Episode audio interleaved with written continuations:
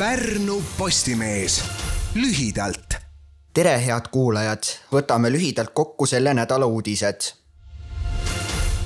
Pärnusse suvemelu nautima tulijad peavad arvestama, et ürituste ajal peab siin hotellis ööbimise eest kõvasti rahakotti kergendama näiteks maksab juuli teisel nädalavahetusel toimuva Beach Grindi ajal kaks ööd kõige odavamas hotellis kahele täiskasvanule nelisada nelikümmend kaheksa eurot.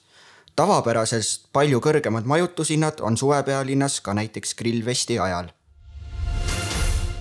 selle nädala vaieldamatult enim loetuim lugu oli aga õnnetusest Pärnus Savi tänava kohvikus, kus töötajal jäi käsi tööstusliku lõikuri vahele kinni abi andmiseks tuli ta koos seadeldisega haiglasse toimetada. Lääneranna koolid said kohtult esmase õiguskaitse, mis tähendab seda, et kui Lääneranna vallavolikogu otsuse järgi oleks näiteks Virtsu kool sügiseks muutunud neljaklassiliseks, siis nüüd jätkatakse kohtuvaidlusi lõpuni üheksaklassilisena. samuti ei suleta sügisest lõppekooli. Metsküla kooli sulgemise osas tehakse otsus järgmisel nädalal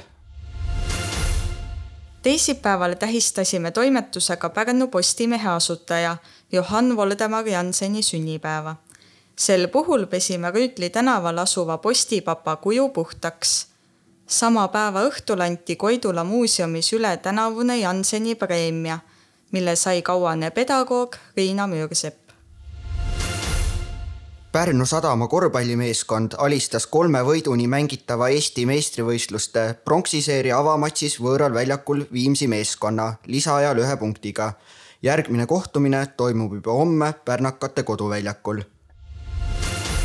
kahjuks jäi üks perekond sel nädalal oma kodust ilma.